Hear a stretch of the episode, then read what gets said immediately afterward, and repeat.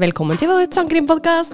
Vi er to krimbesatte damer som savna akkurat denne podkasten, så vi lager den sjøl. Jeg heter Nora. Og jeg heter Heidi, og hold pusten, for dette er en sak som har alt fra justismord til tunnelsyn.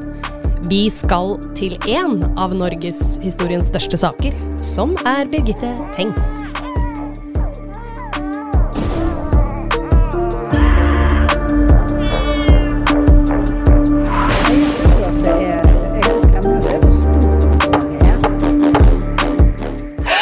Hei, Nora. Hei, Heidi. Hei. Jeg må bare, jeg humrer litt grann hver gang jeg hører Erna Solberg i introen. Og det er virkelig skremmende. Og jeg bare Jeg har jo sampla hun.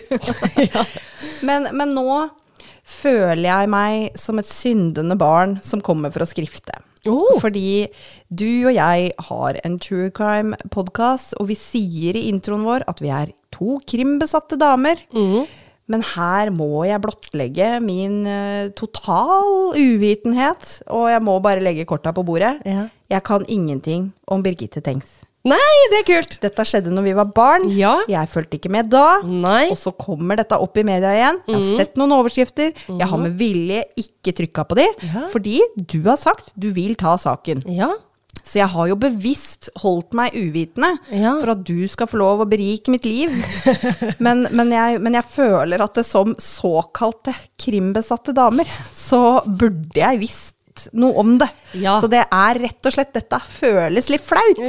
Men jeg har gjort det for oss, da. Ja. Ja, så, så, så det er kanskje forståelig, men samtidig føles veldig flaut. Jo, jo, jo, jo. Men man kan ikke holde seg oppdatert på alt. Nei. Det er ganske mange norske saker Ja. der ute som Og jeg ikke ja. kjenner en dritt til. Og så er det også sånn, da. Det er sikkert sånn med deg også, at hvis du ser en artikkel, så skjønner du at oi, dette kan jo bli en sak. Og da er jeg litt sånn at det, det er ikke noe vits i at jeg skal lese dette uten å skrive noe ved siden av. Hvorfor skal jeg dykke langt ned i en sak hvis ikke jeg har hensikt til å lage episode Det er sant. Det er sant. Så ja, jeg veit ikke om vi skal Kanskje vi skal endre fra krimbesatt til kriminteressert? Ja, det, det kan sant. Sant det. Sant det. Ja. Ja, vi sier jo faktisk at vi er besatte, kanskje. Eh, ja. vi gjør jo det. ja. Eh, vi var jo det. ja. Men nå, men nå er det litt mer sånn at man eh, vi, skal, vi skal jo produsere innhold, Ja. og da blir man jo litt sånn at kanskje man ikke dykker ned i ting fordi at man sparer til, til man skal skrive, Ja. eller man sparer det til man skal få høre om det. Det er jo litt av greia med podkasten vår, at vi skal fortelle hverandre noe kanskje den andre ikke veit. Vet, ja. Ja, det er sant.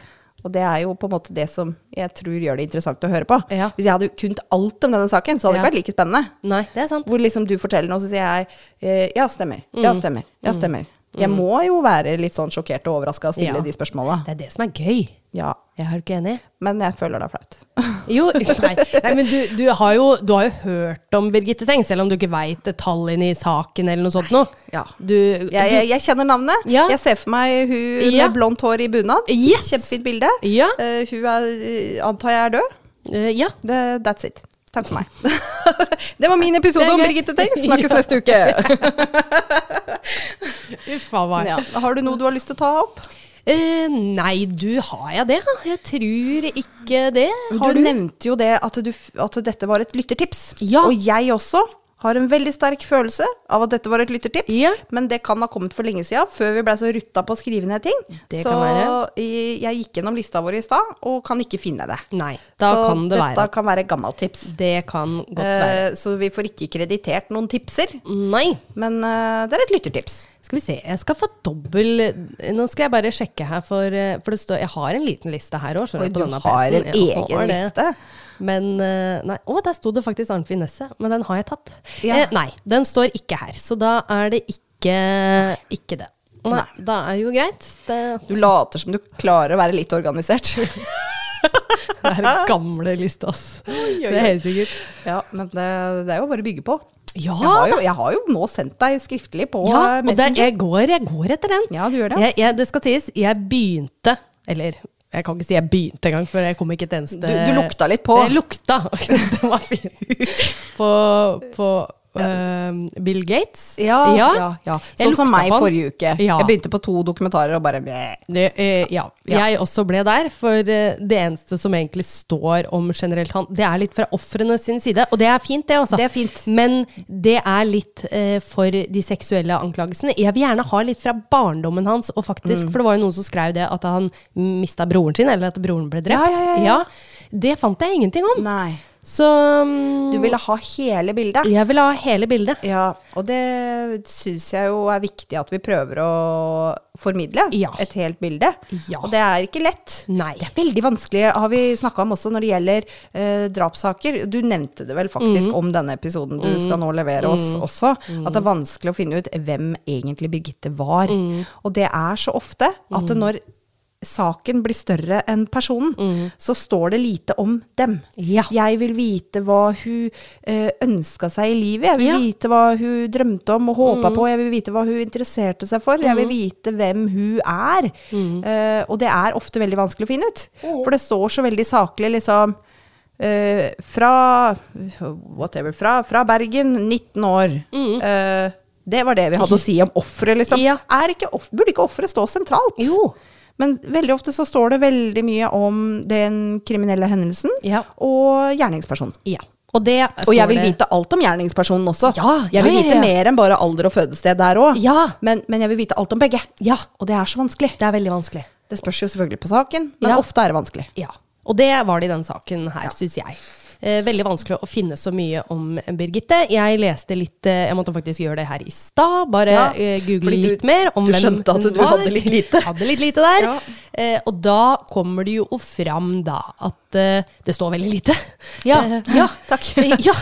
Venninnene hennes da beskriver jo hun som Jeg kan egentlig for så vidt ta opp det jeg fant, for det var vel KK som hadde skrevet. Mm.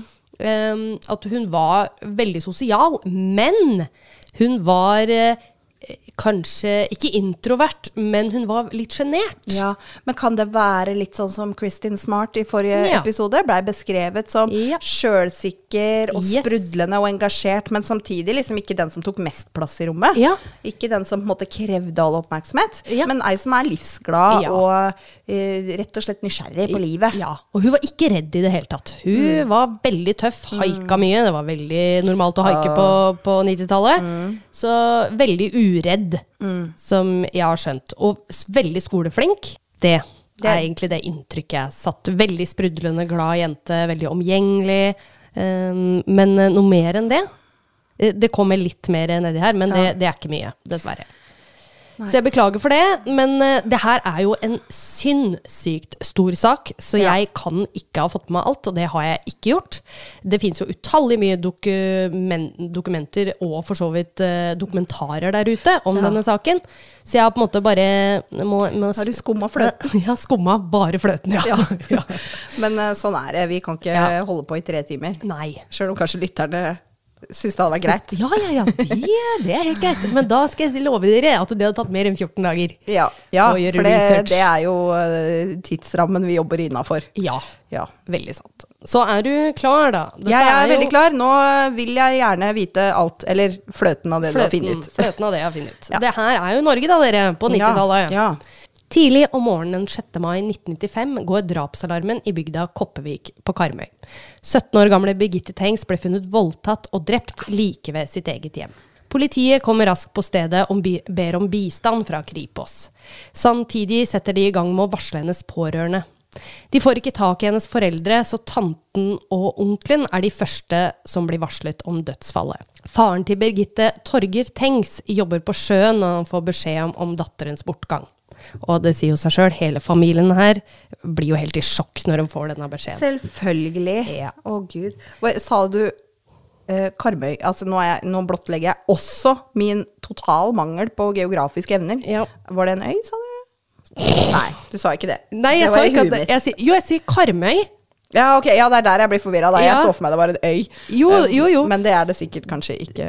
Geografisk sett, må ikke spørre meg her. Skal jeg ja, google?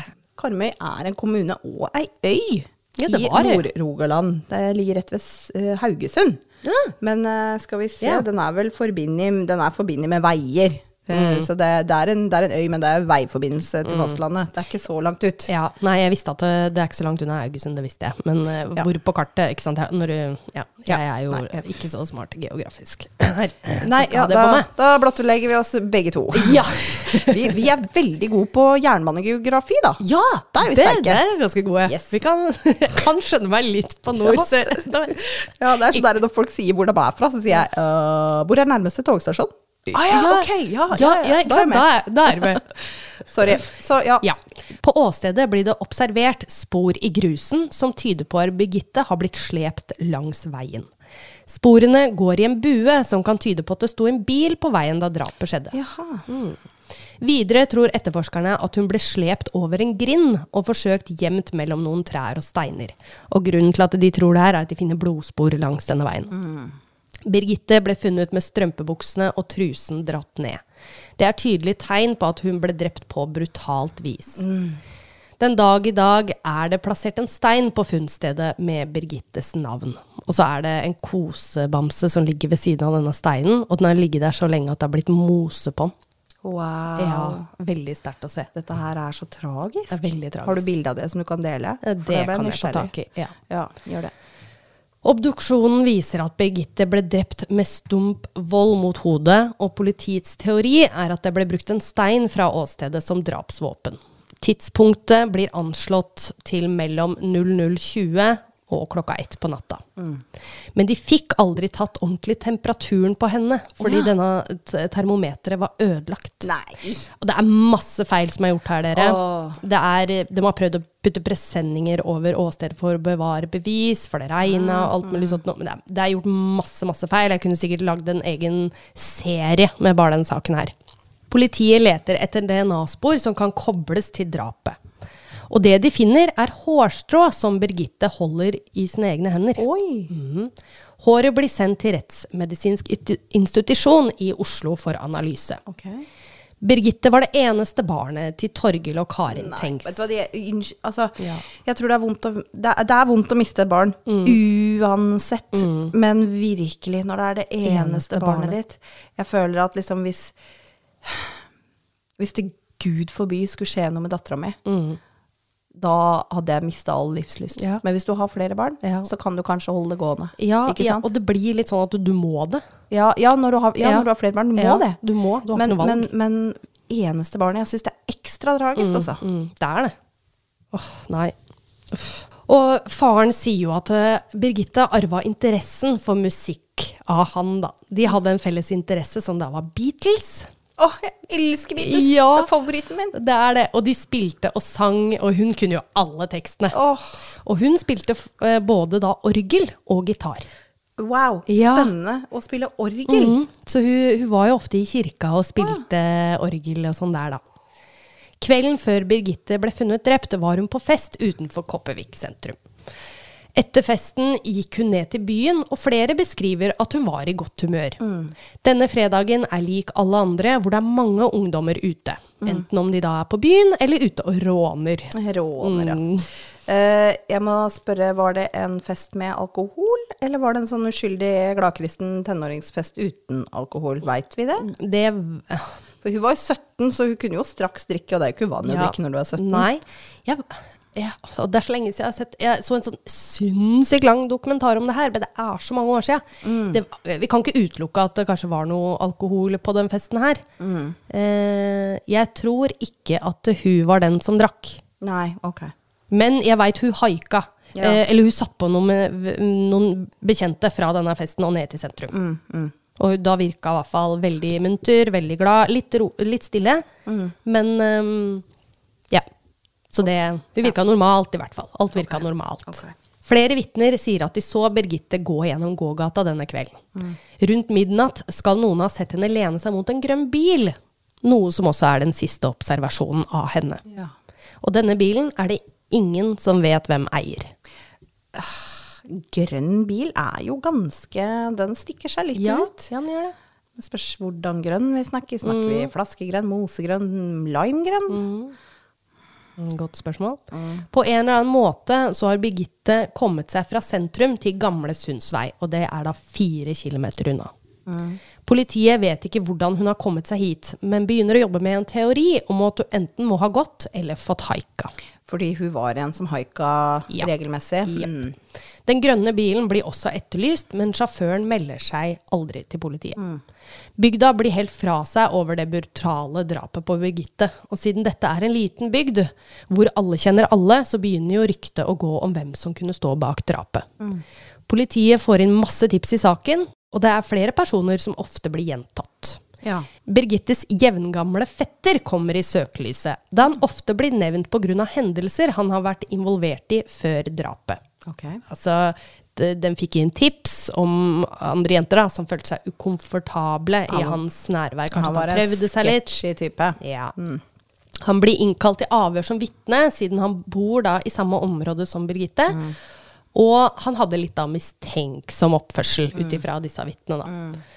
Som eksempel at uh, han fikk faktisk rykninger i begravelsen til Birgitte. Det også syntes de var suspekt, da. Men- Rykninger. Jaha. Men ja, jeg skjønner ikke helt hva de legger i Jeg har vært i begravelse sjøl, hvor, hvor eh, folk har fått rykninger, jeg. Det kan jo komme av flere forskjellige ting. At du kanskje blir så lei deg at du eh, får angstanfall, Ja, ja, ja. eller ja, det kan komme av mye. Eller et sånn stille hulk kan vel se ut som en rykning. Ja. I avhør forteller fetteren at han var på kino i Kopervik med kameratene sine. Så hadde han syklet hjem like før midnatt. Noe faren hans, altså da onkelen, bekrefter i sitt avhør. Altså han hadde et eget avhør. Onkelen snakket med sønnen sin når han kom hjem, og det var ca. klokka tolv på kvelden. Ja. Uh, og han sier også videre at han det var ikke noe unormalt. Sønnen oppførte seg som når han tok seg noe å spise, og så gikk han og la seg. Videre i avhøret forteller fetteren at han hadde et godt forhold til kusinen sin, og at han hadde sist sett henne da to uker før hun ble drept. Den søndagen han så henne, da, så var det også ved Gamle Sundsvei, hvor hun da hadde gått der med ei venninne mens han var på joggetur. Avhøret var knallharde, og fetteren satt igjen med en dårlig følelse fordi han følte seg som en mistenkt. ja. En måned etter drapet får politiet resultatene tilbake fra håranalysen som ble sendt inn.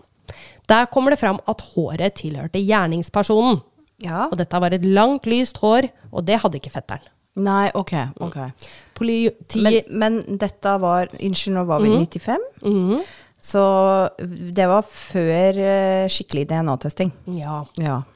de hadde DNA, men det var ikke like tydelig som nå. Da. Du må ha, må ha mer blod Ja, eller jeg- mer å analysere. Jo, jeg husker jo i tidligere saker så har vi snakka om liksom de første sakene som Mm. ble løst med DNA i USA og i Storbritannia, og det var rundt 2000, Ja, mener jeg. ja stemmer, stemmer, stemmer.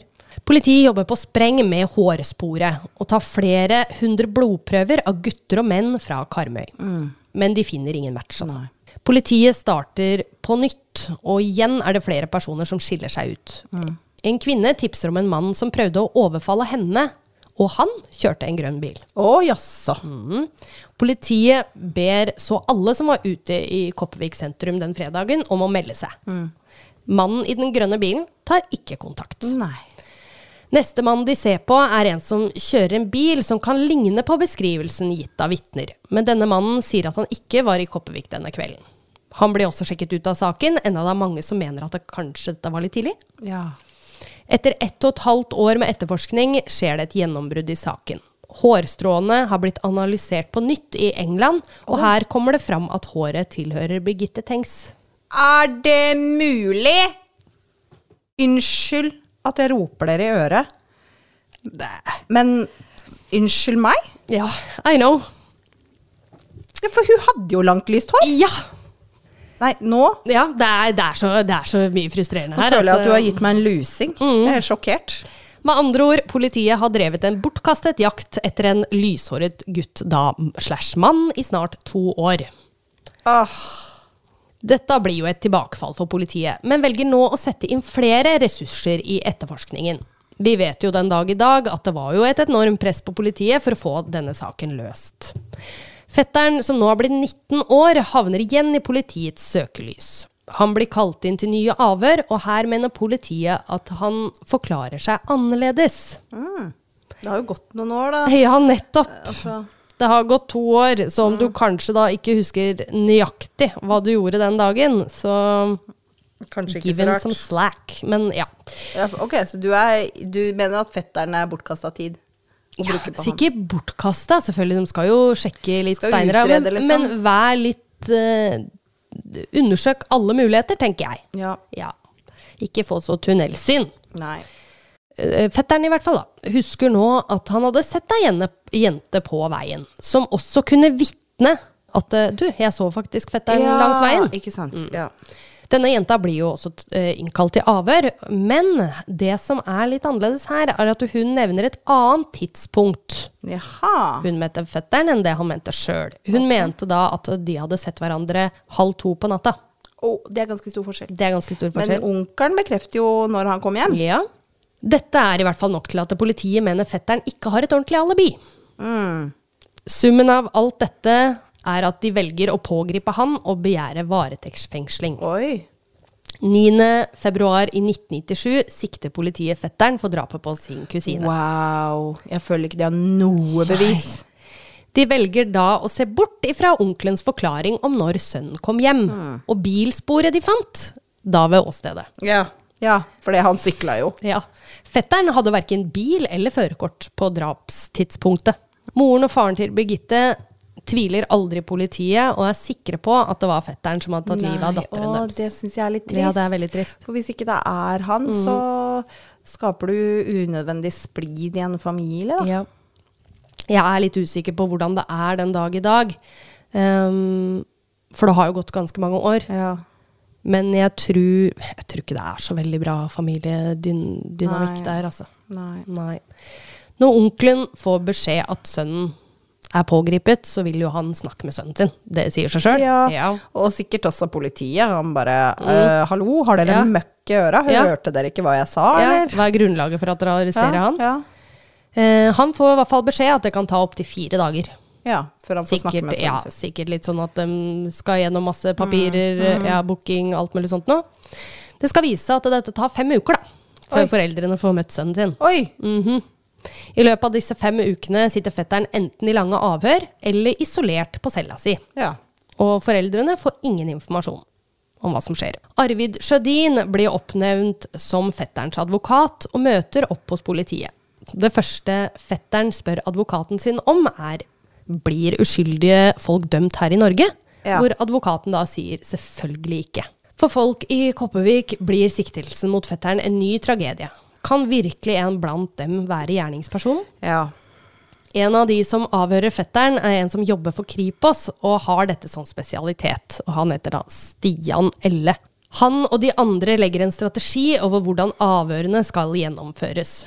Siden fetteren har stor tiltro til politiet, så gjør jo han alt for at saken skal bli løst. Dagen etter pågripelsen kommer det et oppslag i lokalavisa hvor det står at foreldrene til fetteren ikke lenger gir han et alibi. Å, Mm. er det sant? Jepp. Og det vil si det alibiet var at han kom, Kom hjem, hjem da på rundt midnatt. midnatt. Ja. Herregud. Dette her kommer en samtale mellom en politimann og onkelen. Altså da Faren til fetteren, ja. Ja. Hvor da politimannen har tolket eh, noe feil. For onkelen han spør denne politimannen kan jeg virkelig ha tatt så feil. Ja, ok, så da betyr det at han trakk sitt vitnesbyrd? Jeg vet Ja. ikke. Jeg vet ikke. Mm, Nei, og det, det kommer litt Det ble jo tatt ut av kontekst òg, Ja. For det kan være at han har svart det her på noe helt annet. Ja. Men dette ble jo trykka alt over eh, i alle medier, ikke sant. Hva sier onkelen om det, da? Nei, han ble dritforbanna. Ja. Og det er hans egne ord. Han ble dritforbanna. ja. Det hjalp heller ikke at fetteren ble avhørt time etter time, dag etter dag. Etter to uker kommer han med en tilståelse på en lapp til sin forsvarer. Ok. Nå skal jeg lese opp lappen her. Ok. Jeg erkjenner å ha forvoldt Birgitte Tengs med døden til følge ved Gamle Sundsvei natt til lørdag 6.5.1995. Og også da den strafferammen dette medfører. Oi. Tillegger samtidig at jeg ikke kan redegjøre for noe omkring dette på nåværende tidspunkt, fordi jeg ikke husker noe som knytter meg til Birgitte. Forsvareren spør om han husker noe av dette, hvor fetteren da svarer nei. Forsvareren sier så at han må legge vekk den lappen og ikke gi den til noe, da dette mm, vekker da mistanke til han. Ja. Dessverre så leverer fetteren denne lappen til politiet. Nå blir det litt uenigheter med forsvarsadvokaten og onkelen. For siden fetteren leverte lappen, så blir vel advokaten hans litt mer usikker, kanskje, på om fetteren har gjort det her eller ikke. Og da tenker han jo automatisk ok, men da må faktisk faren hans, altså onkelen, da, eh, ha huska feil, og at han faktisk har sovna og ikke sett sønnen sin Ja. den kvelden. Advokaten mener nå at fetteren må ha kommet senere hjem enn det fetteren og onkelen husker. ja, altså han kan jo bare spille med de korta han får utdelt. Ja, nå har han ja, fått utdelt noe helt annet. Ja, ja, selvfølgelig. Da må han jo spille på det. Han Ja. må jo forsvare på Ja, du må jo finne en annen teori da, som kan Ja. Mm. forsvare fetteren, liksom.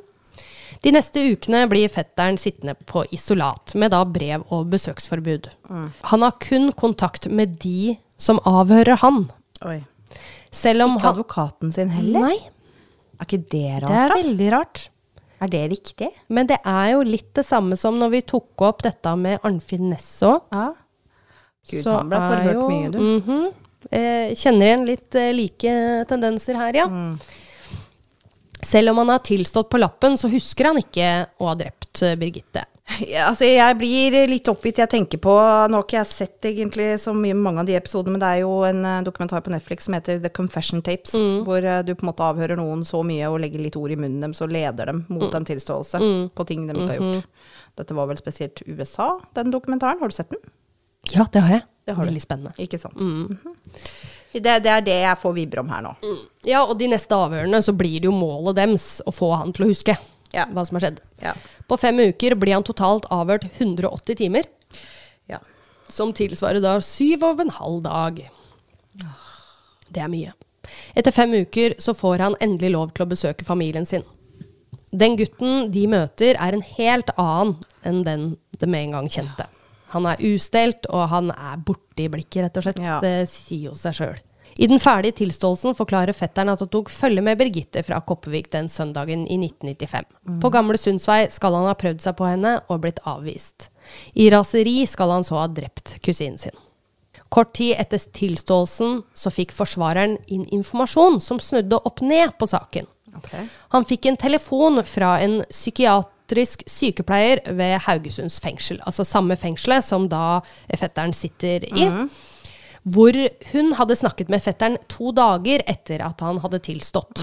Hvor han sa at han ikke husker noe av hendelsen. Nei, det har du jo også sagt. Ja, Hun hadde så videre ringt til politiet for å varsle de. Noe som aldri eh, blir eh, informert videre til forsvarsadvokaten. Nei, ok. Mm. Videre forteller fetteren at politiet hadde presset han til å tilstå. Ja. Og hvis han ikke gjorde det, altså hvis han ikke tilsto, da, så ville han da få mareritt resten av livet. Det var det politiet sa. Eh, Det dårligste pressmiddelet Ja. jeg har hørt om, faktisk. Ja. Etter at han tilsto, så fikk fetteren mareritt hver dag. Ja. Noe som fikk forsvareren til å reise til fengselet og hente ut da dokumenter. Det skulle vise seg at det var over 18 ringpermer med info som han ikke hadde sett før. Ja. Disse dokumentene er stemplet som nulldokumenter, som vil si informasjon som politiet mener ikke er relevant for saken. ja. Hvor mye sa du? 18 ringpermer. Det var ikke 18 sider, det var 18 ringpermer. Yes. Wow. Disse dokumentene viser seg å inneholde svært viktige opplysninger. Det var informasjon som politiet ikke likte. Ja. Ja, og som, Som ikke passa i puslespillet. ja, som indikerte at fetteren ikke hadde gjort dette her. Really? Really. Et eksempel på dette er et avhør fra et vitne som var på samme vei som fetteren mm. den kvelden der, men hun har aldri sett han Nei. på det aktuelle tidspunktet. Og til og med flere naboer hadde kjørt denne veien, men aldri sett han. Når forsvareren stiller spørsmål ved disse dokumentene, så får han i svar Hvorfor kan ikke du bare gjøre jobben din som alle andre advokater i Oslo? Tjen penger ved å holde kjeft. Æsj. Ja, det er jo sjukt at de kan sitte og si sånn. I tillegg til disse dokumentene får forsvareren også kjennskap til de omfattende avhørene av fetteren, altså de 180 timene. Fetteren hadde valgt å heller sitte i avhør enn å sitte i isolat. Ja. Eller, ja, og, Fordi du blir gæren av ja, ja. Sommeren 1997 trekker fetteren tilståelse tilbake og nekter straffskyld. Bra. Jeg tror det er bra. Ja, det tror jeg er bra. Foreldrene til Birgitte tenker jo automatisk at han prøver å lure seg unna, siden han hadde holdt ved tilståelsen sin i tre måneder. Mm. Høsten 1997 starter rettssaken, og påtalemyndighetene har ingen tekniske bevis mot fetteren. Nei. Som vi har kjennskap til fra tidligere norske saker på denne tiden, så baserer de saken på fetterens tidligere tilståelser. Som han har trukket. Som han har trukket. På det tidspunktet fetteren sa han var hjemme, så var Birgitte fortsatt i Kopervik sentrum. Noe som lagde problemer for politiets tidslinje. Ja. Mm. Så de endret da tidspunktet fra tolv på natta til to på natta. Når fetterne kom hjem. Alt for å få dems kabal til å gå opp. Det at fetteren også var i familie med Birgitte, gjorde at han hadde mer detaljer i saken. For politiet de oppløste jo familien om mer Ja, informasjon enn ja. hva vi veit, eller som ja. kom ut i Så media. han visste mer enn allmenn eh, offentlighet. Men det er fordi at han hadde fått hørt av onkel og tante, liksom. Yes. Foreldra til Birgitte. Mm. Aktor tegnet et bilde av at fetteren er en truende og uberegnelig gutt, som da må dømmes på grunnlag av indisiene og den tidligere innrømmelsen. Eh, han drar jo også inn disse kvinnelige vitnene, eller disse jentene, da, som kunne si at uh, kanskje fetteren var litt flørtete på fest, eller ja. At han hadde Litt litt, korte sosiale antenner. Ja. Det hele endte med at han ble dømt til 14 års fengsel, hvor han anker saken med en gang. Men hvordan kan fetteren ha tilstått noe han ikke har gjort? Dette er jo det alle lurer på. Og forsvarsadvokaten krever nå alle dokumenter i saken utlevert. Inkludert notater som var skrevet ned fra avhøret i en dagbok. Noe forsvareren ikke har tilsyn til eh, før. Uh, og det er notater skrevet av politiet. Ja. Når de får tilgang til disse dagbøkene, står det i, i detaljer om hva som har skjedd i avhørene, og hvilket press fetteren ble utsatt for. Rett før fetteren tilstår, så gir politiet han et avisoppslag hvor det står at faren ikke lenger gir han et alibi. Ja. Mm. Siden, Men det stemte jo ikke. Nei! Siden fetteren sitter isolert, så, Så får han han jo ikke snakke med faren! Nei. Kan jo ikke det.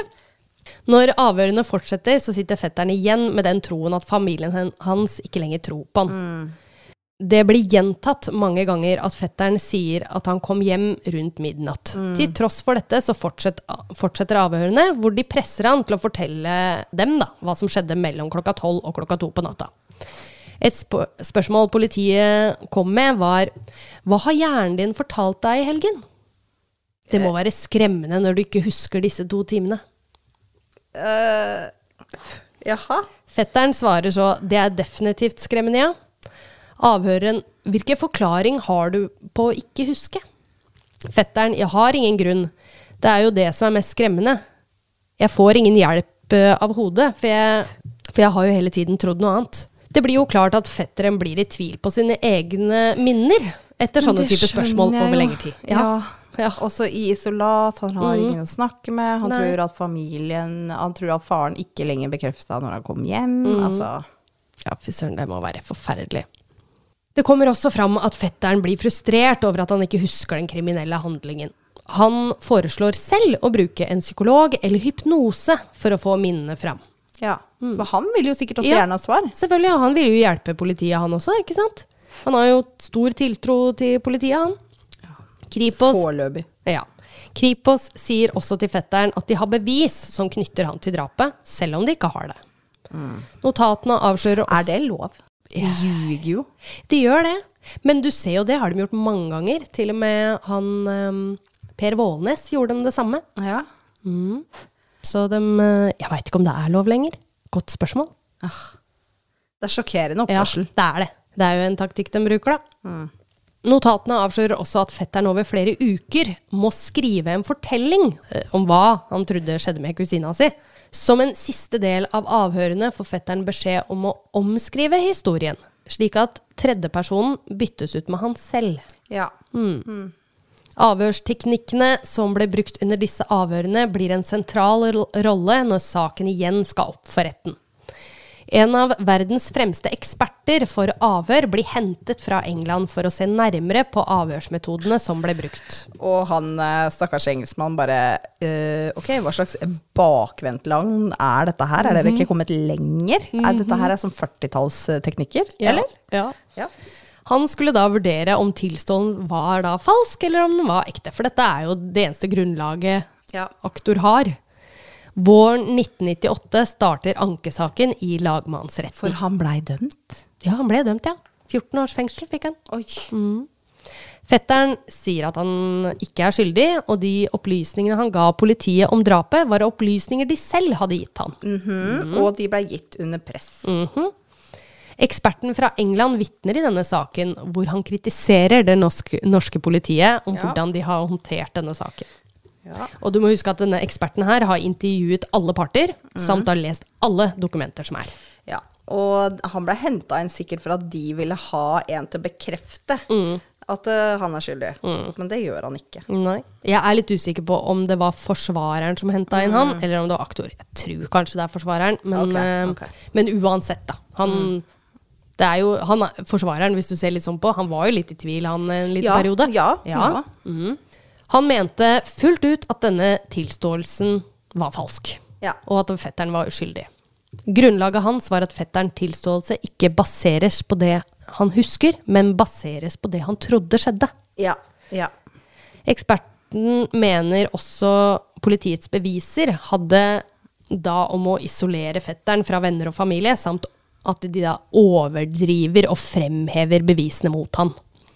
Med alle disse faktorene legger politiet da til rette for at det skal bli en tilståelse. ja.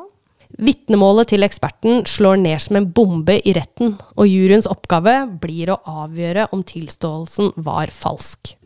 17.6.1998 faller dommen i lagmannsretten. Fetteren blir frikjent på bakgrunn av manglende bevis. Wow. Selv om han blir frikjent, så er seieren kortvarig. Ja. Kampen mot rettsvesenet er ikke over. Dagen etter han blir frikjent, så starter en sivil rettssak hvor foreldrene til Birgitte krever erstatning fra fetteren. Dette sa du i forrige episode, at uh, man trenger ikke like mye bevis i et sivilt, sivilt søksmål. Nope. Var det basert på det du har lært i denne saken? Ja. Okay. Det er helt riktig. Jeg stålsetter meg. Eh, du må huske da at foreldrene til Birgitte, det er jo kjempesynd på dem, og de har jo, de har jo kjempestor tillit til politiet, ja, ikke sant? og politiet har leda dem til fetteren, Ja. og det er klart de stoler på politiet. Selvfølgelig. Og de mener jo også at fetteren aldri burde være frikjent. Ja, ja. Ifølge faren til Birgitte så trodde han aldri at de ville vinne dette søksmålet her, Ok. siden det da ikke var noe tekniske bevis. Men fetteren han dømmes til å betale en erstatning på 100 000 kroner. Oi.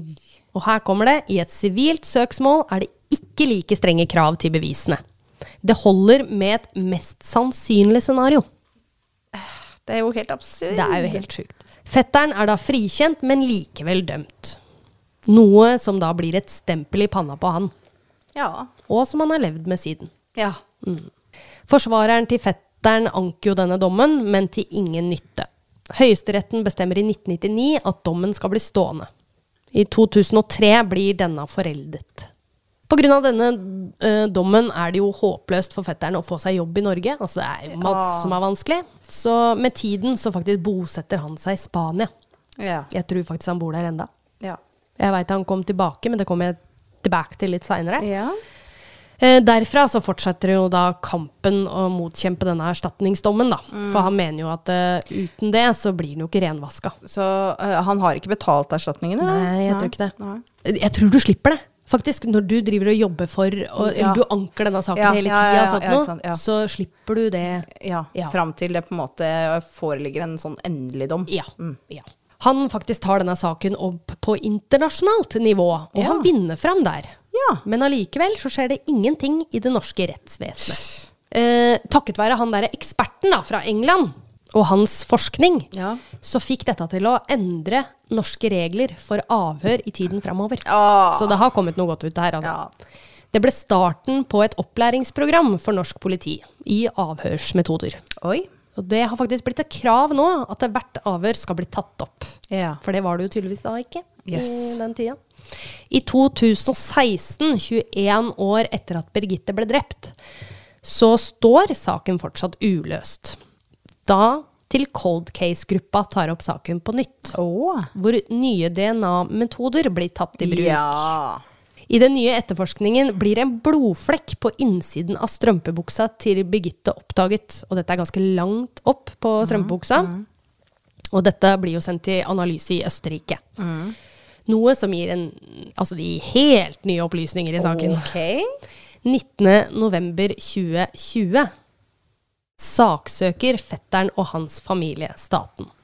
De krever erstatning for skadene som myndighetene har påført dem. Og det, det er så For det var onkelen da som holdt et få, hvis du kan kalle det foredrag, Sånn eller pressekonferanse ja, greier? ja, eller sånn inni rettssaken her, da. Oh, ja, ja. Og det var, det var veldig tøft, faktisk, å høre på. Eh, Enda hvor overbevisende denne saken her var, da, så fikk de ingen erstatning. Nei. Nei. De vil jo ikke innrømme at de tok feil, ikke sant, tenker jeg da. Høsten 2021 får saken et gjennombrudd da en mann i 50-årene ble siktet for drapet på Birgitte Tengs. Åh, og det var derfor det kom så mye overskrifter overalt. Yes. Ok. Denne mannen var inne til avhør i 1995, Ok. og var en av de mistenkte fra starten. Ok. Mhm. Det viser seg at denne mannen hadde en grønn bil, Ok.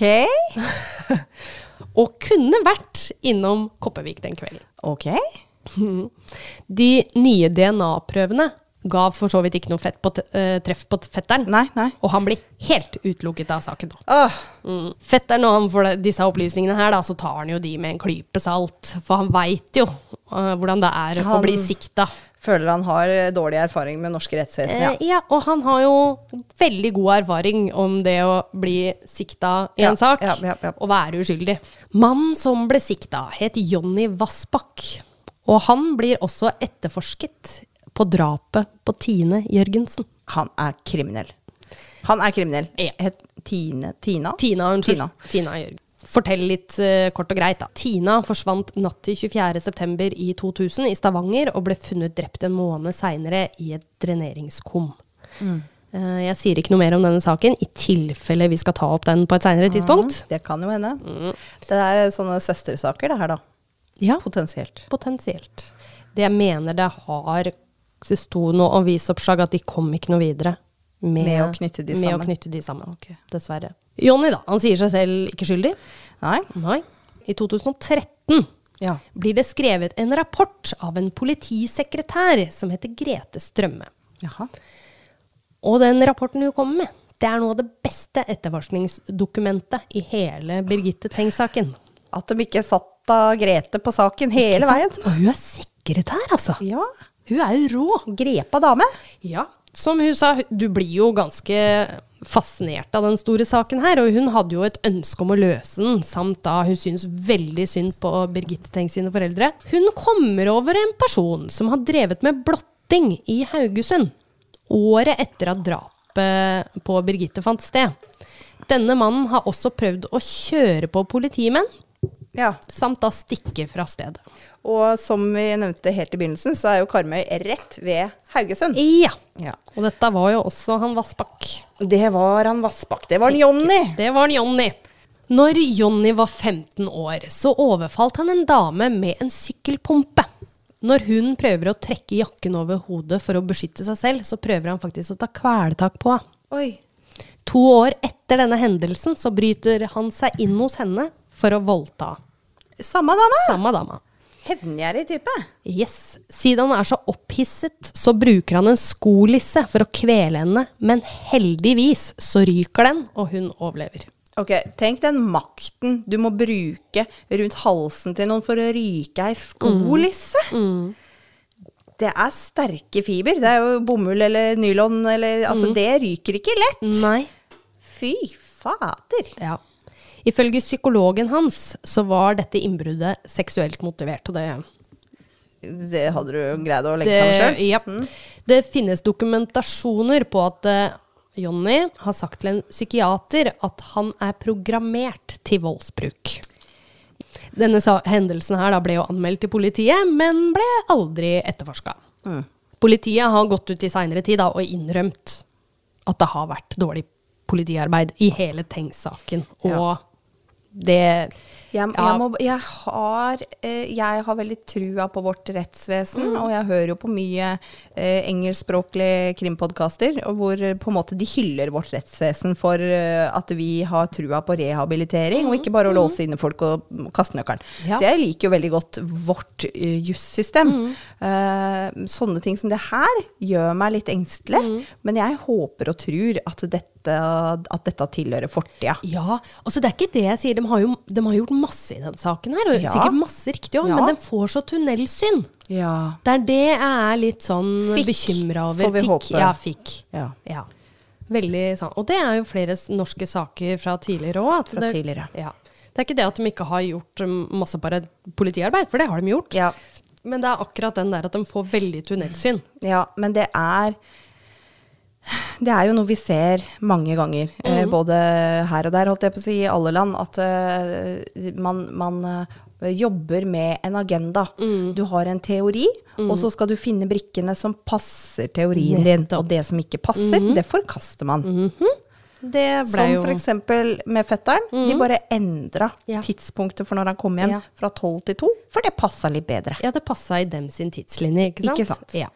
Og det, da kasta de også bilspor som de fant, ikke sant? Ja, de, de de er tilrettelegger litt for eh, at de Men, men, skal jeg, ta men jeg håper og tror at ikke det er sånn i dag. Nei, det så er veldig sant. Så nå er du veldig streng mot Ja. eh, politiet, og det Ja. med rette, må jeg bare si. Men eh, jeg håper og tror at dette tilhører fortida. Ja, og det har de jo gått ut og sagt sjøl, Ja, at de har driti seg ut. Så det Ærlig, jeg Det er kjempebra. re- redelig gjort. Ja. Og jeg tror de er flinkere på det i dag òg. Ja. At de faktisk kan innrømme at de, kan tar ja, feil. svelge noen kameler. Ja, ja. Mm. Dette var jo ikke det eneste innbruddet som Jonny hadde gjennomført. Han hadde en tendens til å bryte seg inn hos kvinner slash jenter, jeg sier det òg, og stjele undertøyet deres. Og noen ganger så voldtok han dem òg. Jonny hadde et tilbaketrukkent liv, og de få gangene han var sosial, så var det da på hundeutstillinger. For Ja. han, hadde, han dreiv med hunder, da. Han hadde hunder. Han hadde stort sett bodd hele livet i Haugesund, bortsett fra seks måneder hvor han bodde da i Kopervik. Jaså, du. Fire dager etter at Birgitte ble funnet, ringte psykologen til Jonny inn til politiet for å tipse om klienten sin. Er det sant? Ikke sant? At ikke Å. Ja. Mm. Nei, nå ble jeg frustrert. ja. I politiets papirer så står det at han soner spørsmålstegn, og videre modus vent. Uh, jaha. Ja. Det var Det- noen kryptiske, litt dårlige notater. Ja, det tok politiet 14 dager, og det vil si politiet i Haugesund, å se at uh, Jonny ikke var til soning. Så de varsler da politiet i Kobbevik. Koppevik. Koppevik. Unnskyld, jeg sier det litt feil noen ganger. Beklager for det. Uh, har ikke vært der. Nei. med det. Lytterne våre kjenner deg, det går Ja, fint. det, ja, ikke sant? Uh, dette er jo en mann som er kapabel til å begå alvorlige hendelser. Til tross for alle disse tipsene blir Jonny ikke tatt inn til avhør. Etterforskningsleder på den tiden kommer med en uttalelse. Jaha. Og nå er vi tilbake til når hun blei funnet. Når det skjedde. Ja. De klarte ikke å plassere Vassbakk i Koppevik nær Birgitte. Og de kunne ikke sikte noen på grunnlag av en rapport. Det vil si da Gretes rapport, ikke sant? At vi så vekk fra Gretes rapport, altså da sekretæren sin, og flere tips om samme person, er en tøysete påstand. Uh, ok. I notatene fra politiets etterforskning så står det mellom fetteren og Jonny. Men som vi vet, så gikk de etter fetteren. Ja. Gutter, her har vi to valg. Hvem, Hvem skal vi? gå for? Jeg veit ikke om jeg helt snakka tidligere om det, men jeg mener at jeg nevnte at Jonny ble avhørt på et tidligere tidspunkt. ja. Og det stemmer. For når politiet hadde bestemt seg for å gå etter fetteren, så måtte de jo legge vekk sin gamle teori. Ja. Ikke sant? De måtte legge den død. Ja. Politiet jobber nå med å få alle bilsporene vekk fra saken. Ja. Så Jonny dukker opp i politiets papirer igjen. Han blir tatt med inn til avhør, hvor han sier at han plukket opp to kvinnelige haikere den kvelden Birgitte døde. Kvinnene sitter på med han inn til Haugesund, hvor han da blir resten av kvelden. Altså Han var mye aleine, så han, han huska ikke helt hva han dreiv med, men enten så var han på kino eller bowling, da. Ja, Han det kjører- var jo kjempesterkt alibi, da. Jeg var en av de. Ja. Ja. Han kjører så tilbake igjen til Karmøy og kommer hjem ca. klokka halv tre på natta. Med andre ord, han har ikke noe alibi. Nei. Og de to haikerne ble jo heller aldri oppsøkt av politiet. Nei. Nei. Halv tre på natta passa veldig Ja, fint. det passa jo veldig bra. Han sier ting i avhørene hvor han prøver å distansere seg fra åstedet. Han uh, sier at han Nei, jeg har ikke kjent på åstedet, jeg. Enda han har bodd der. Ja. Ikke sant? Og han ljuger masse. ja. Ja. Det er ikke bare dette han ljuger om. Nei. Det betyr jo ikke at han er drapsmannen, men politiet burde kanskje undersøkt denne personen litt nærmere, eller? Ja Noe de da ikke gjorde. DNA-et som linker Johnny til Birgitte, er en mutasjon. Noe som da er et sterkere bevis enn om det hadde vist bare et Y-kromosom. At da, det her er en mann. Fordi er det bare et Y-kromosom, så, så er det bare en mannlig slektning. Men denne mutasjonen her er spesiell for bare han. Jaha. Så det er liksom et vannmerke om at det er han, og ingen brødre eller far eller noen menn i slekta. Det er utvilsomt han, Ja. liksom. Ja. Så det, det, og det var det, den bloddråpa på strømpebuksa? Jepp. Det er en Det, Det er jo han! Det er han, skjønner du! Det er jo han. Ja. Jeg håper du skal fortelle meg at uh, dette slutter med en dom, og det er han. ja. Det var jo lenge spørsmålstegn da, på om dette DNA kunne vært utsatt for elementene eller overført. Altså så Eksempel på det. altså Se for deg at du setter deg inn i en bil, og så blir det hengende fast kanskje et hårstrå på klærne Ja, dine. Ja, det var en bloddråpe. Ja, Eller at du setter deg på bloddråpa. da. Jo. Ja. Det er jo dette eh, forsvaret til Jonny legger vekt på, da de tar fram at han ble avhørt av samme politimann som også var på åstedet, som da kunne overført dette DNA-et, ikke sant? Ok, så advokaten til Jonny sier at ja, men Jonny ble avhørt av, eh, la oss kalle han Kjell. Mm. Ja. Så hvis Jonny blødde på fingeren, og det kom på Kjell, så kom det på Birgitte. Ja. Er du helt jævla smekk, eller? ikke sant? Det er for dumt. Men som et motargument på denne påstanden, da, så hadde dette her skjedd, da, som forsvareren nevner, så hadde denne politimannen da også ansatt sitt eget DNA i prosessen. Ja, Det er ganske nemlig. logisk, og det Ja. har det ikke. Nei. Hadde politiet gjort jobben sin ordentlig, så kunne de fått samme resultat så tidlig som i 2012. Ja. For metodene har ikke endra seg siden da. Mandag 17. oktober 2022 kommer tiltalen mot Jonny Vassbakk. Jaha. Tiltalen er som følger. Natt til lørdag 6. mai 1995, i og ved Gamle Sundsvei på Karmøy, tok han kvelertak på Birgitte Tengs og slo henne gjentatte ganger i hodet med eller mot en stein. Hun ble påført et stort antall skader, bl.a. kjevebrudd, omfattende skallebrudd og utbredde knusningsskader i hjernen. Nei, så jævlig. Ja. Hun døde som følger av hodeskadene. Johnnys forsvarer sier at hans klient opplever dette som et justismord og som et mareritt. Bare dager før rettssaken så ble fetteren faktisk kvitt denne erstatningsdommen. Ja, det var jo Det var på faen på tide, da. Jeg trodde han var kvitt det for når han blei skrevet ut, Ja. Nei da, det tok 24 år. Oi, oi, oi. Hovedfokuset under rettssaken var hvordan DNA-et hans kom på strømpebuksa til Birgitte. For det var ikke noe tvil om at det var hans. Du Kan jo ikke forklare det, det, du, det Den føler jeg er vanskelig å bortforklare. Ja, det er det. Advokaten hans prøvde vel, men den er vanskelig, ass. Eh, forsvareren la stor vekt på at uh, Jonny ble forhåndsdømt, akkurat som fetteren ble. Og de fikk faktisk fetteren til å vitne. Så han uh, måtte jo komme hjem til Norge da, for å sitte i vitneboksen. Eh, Vitne da på vegne av Jonny, eller? ja, tydeligvis. Og jeg skjønner jo fetteren, han, eh, han veit jo hvilket mareritt det er Ja, å være mistenkt når du er uskyldig. Men um, det er kanskje en Ja. å gå på den sida. Ja, det mener jeg jo. Men de, de, de skal på en måte kanskje få fram uh, hvor, hvor langt politiet er villig til å gå, da. Ja, og hvor inkompetente de er når de jager eh, Står og bjeffer med feil, sted, feil tre. Så er det da dommen, da. Og da har jeg tatt utdrag fra både VG og NRK. Ja.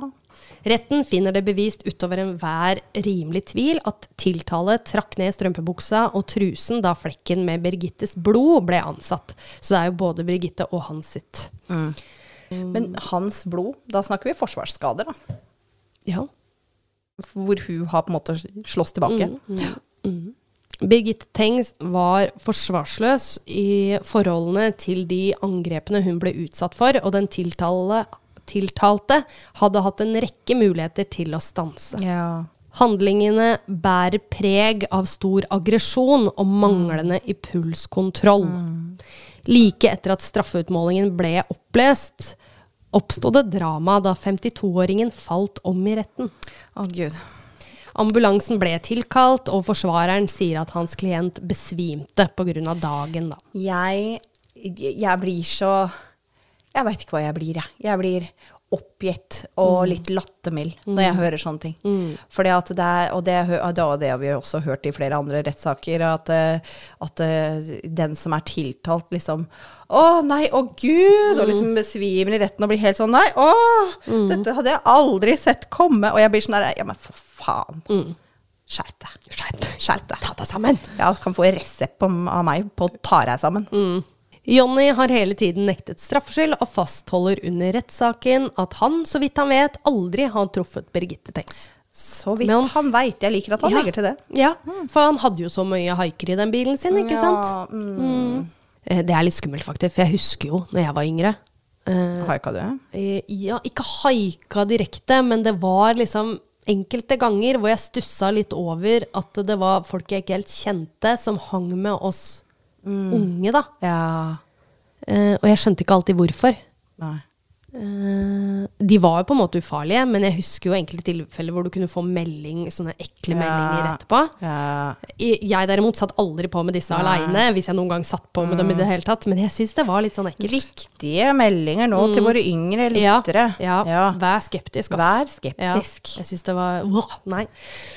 Jonny da, han ble i hvert fall dømt til 17 års fengsel om å betale en erstatning på 600 000 kroner til hver av foreldrene. Ja, det er helt greit. Mm. Forsvareren har sagt at de skal anke, og at de da har til 4. september i år. Oi. Ja, så de skal gjennomgå saken sammen, da. Så, Ja. Men det har liksom fast Så bestemt de, seg så for de, at de skal har, anke. de har ikke anka ennå, men han har gitt uh, signaler om at de kommer til å gjøre det. Ja. Og da har de en frist til september. Ja. Bistandsadvokaten for Birgittes foreldre sier at de nå håper de har fått et svar. De håper at saken er ferdig og kan lene seg tilbake med et svar fra rettssalen. Men de frykter at saken kan gå en runde til. Det skjønner jeg. Mm. Men uh, hvor i denne uttalelsen var det en uh, offentlig unnskyldning til fetteren? Jeg, det hørte jeg ikke. Nei, det- Eh, Er det noe du vil legge til? Nei? Nei. Ikke det? Nei. Nei. Det er det jeg mener. Jeg veit ikke hvordan familiedynamikken er lenger. Nei, det tenker de i Brantale bruer. Mm, Ja. Jeg, er, jeg eh, skjønner det. ja. Jeg skjønner det. Men eh, når du, da må du også vise vilje til å svelge kameler, sånn som politiet har gjort. Ja. Det er eh, Jeg veit i hvert fall at foreldrene var jo der hver eneste dag, dag når Jonny satt i rettssaken. Sikkert Ja, også ja. for så vidt når fetteren gjorde det, altså. ja. Men eh, jeg tror nok de har innsett at eh, politiet tok feil mann. Det må det de jo ha gjort, men og- jeg ja. savner den offentlige unnskyldninga. Ja. Altså, altså det kan jo hende at de har et godt forhold nå, hvem veit. Men Hvem vet? ikke som jeg har sett i noe Det er ikke eh, rapportert. Nei. Nei. Det er egentlig onkelen. Han, er, han har vært flink. Ja. Han har latt seg intervjue og sånt, noe, for Ja. det her er så justismord, sier han. At det, det, han skammer seg over det politiet gjorde den gangen. Mm. At dette kan skje i Norge, det syns hun er helt på trynet. Ja, jeg er helt enig med. Ja. Så det var Birgitte Tengs, altså. Jeg syns det var veldig omfattende. Ja, den er Eh, svær. Så Og gratulerer jeg har bare skrapa på overflaten. Ja, men jeg føler at du har dekka det som er viktig Ja. for å få et bilde her. Ja. Og ikke veit jeg noe om det, for jeg kan jo ikke noe om saken, men jeg er fornøyd. Mm, ja, men så bra. Så bra. Det er eh, Nei, den er eh, helt sjuk. Når, når blei Jonny dømt? Eh, sa jeg ikke det? ja? Jeg mener jeg sa det, ja. Vent, da. Jeg skal bla Du, om. du sa han ble tiltalt i 21, men når ble han dømt? Å ja. Og så sa du jo òg at, han ble, at de har til september i år på anke. Du, det er, det er, eh, det er ikke lenge siden. Eh, februar. Februar. Ja, det var i februar. Oi, Jeg husker ikke helt. Jeg tror Å, jeg kanskje her. 6. februar eller noe sånt. nå. Du er god. Du tar det rykende ferskt. Mm, ja. Det er derfor jeg sier jeg har tatt det siste lille utdraget her med rettssaken og så den Mm. siste rettssaken mot Jonny. Det er kun ting jeg har lest i VG og NRK. Ja, fordi dokumentarene har ikke Har tatt ikke det. Nei, nei, Nei. selvfølgelig. De har ikke noe med det. De har litt Det var vel én dokumentar som var ganske nylig, hvis jeg ikke husker, Mm. om det var på kan det ha vært TV2 Play, tror? Som, eh, og det er en som har skrevet en bok Ja. om, eh, om denne saken. Da. Og det er han som har funnet ekstreme mange opplysninger i den saken der. At politiet har ikke gjort jobben sin. Eller avhørt. For de kunne jo tatt uh, han Jonny her for Ja, lenge siden. ja. Det er frustrerende. Det er frustrerende. Når vi har hatt uh, to sånne saker på Ja. rad hvor uh, det går veldig lang tid før man får noe slags Svar. uh, svar og rettferdighet. Ja. Eh, jeg unner ikke disse gjerningspersonene så mange år i det fri. Nei. Nei. Men det viser seg at uh, hvis du bare er tålmodig, så høster man det man sår. Ja. Jeg så også litt sånn en annen sak som jeg så. Det var ei som, uh, som fortalte i den dokumentaren. Hun ville være anonym, og det er helt greit. Hun fortalte at hun hadde haika med Jonny. Og hun var aleine. Så hadde de kjørt i et sånn skogholt, og hun ble litt bekymra når hun sa det. Ja. Og så hadde hun, hun hadde fått en så dårlig magefølelse, og hun var smart, altså. For hun Ja. hadde da sagt til, eh, til Jonny at du, du gikk jo på den skolen, kjenner du brødrene mine? Jaha. Og, da hadde, og så hadde han nevnt navnet på brødrene sine. Og da fant han jo ut i sitt hue at faen, han har jeg gått på skole sammen med, i samme klasse. Ja. Da hadde han snudd plutselig, ja. og så kjørt Oi. En annen vei. Og da fikk hun litt sånn shit, og så spurte jeg ja, skulle vi For det var liksom en snarvei eller et Ja, eller annet sånt. Noe, da. Han hadde sagt så bare Nei, da hadde han glemt noe et annet sted, da, så da måtte de liksom kjøre tilbake. Jaså. Så litt sånn hm. Så Gode tips å ta med seg. Ja. Hun redda nok seg sjøl Mm. den dagen der, om hun så ikke ble drept, da, men eh, voldtatt. Jeg følger ei på TikTok som uh, jobber med Nei, hva er det hun er for noe? Rettspsykolog, eller uh, hun, har, hun har studert kriminologi, hun har uh, noe doktorgrad og greier. Hun har sånne sikkerhetsråd. Jeg lurer på om kanskje jeg har sendt deg en video også. Ja, ja. Hvor hun sier at innimellom så skal du ljuge. Mm -hmm. hvis du sitter aleine på en pub, og noen kommer bort til deg og sier 'er du aleine', eller? Eh, så sier du nei. eh, jeg venter bare på kjæresten min. Mm. Nei, jeg venter bare på brødrene mine. Nei, jeg skal møte noen venner. De kommer hvert øyeblikk. Det har jeg gjort mange ganger. Ja. Ja. Eh, hvis, du er, eh, hvis du tar heisen, eh, eller hvis du blir levert hjem av en taxi eller en pirattaxi eller Uber eller noe sånt nå. Bor du her, eller? Nei, jeg skal bare besøke noen venner. Nei, jeg bor broren min. Nei, jeg, jeg skal på besøk til noen. Hvis du tar heisen opp i en blokk hvor du bor, og folk sier ja, bor du her? Nei, jeg skal bare besøke noen. Dritsmart. Du, du, du trenger ikke være ærlig. Nei. Nei. Det er helt greit å dra en løgn innimellom. Ja, Iallfall hvis de spør deg om noe sånt. Nå bor du her. Bor du her? Er du ny her? Er du ny i området? litt er du kjent i byen? ja. Nei, jeg har masse venner her. Litt morsomt at du sier det, for i går så fikk jeg en telefonsamtale fra et ukjent nummer. Ok. Og så tenkte jeg ok, uh, tenkte kanskje at det var noe selgergreier, Ja. men whatever. Jeg tar den. Ok. Så er det en fyr som bare 'Jeg har en pakke til deg'. Jaha. Så jeg bare mhm, du har det, ja. Og så klarte han ikke helt Og så sa han du har to valg. Så jeg bare ok, hva er de to valga for noe? Så jeg nei, enten så eh, kan jeg kjøre den til adressen din om 14 dager, eller jeg kan ta den på utleveringssted. Så sier jeg nei, men da tar du utleveringssted. Altså, Ja. Men hva er dette fra, og sånt noe. Men jeg stussa litt, og så switcher han plutselig til engelsk. Jaha. Så jeg bare hmm, jeg, Alle røde flagg, Ja, ikke sant? ja, ja. Men så viser det seg at det var jo riktig, da. Det- Ja, men eh, men jeg, det jeg også stussa på, er at utleveringssted var på en sykkelbutikk.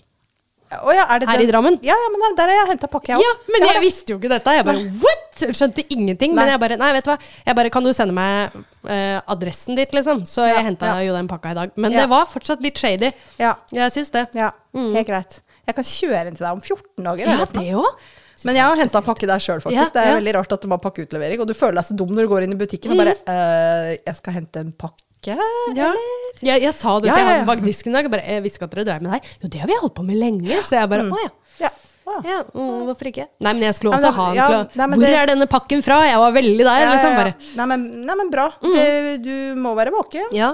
Stille litt kritiske spørsmål her, ja. Ja. Mhm. Det er merkelig hva du, hva du lærer av å være Ja. litt sånn crime junkie. Man bare ha, ha litt pigga ute. Jepp. Ja. Det er sant.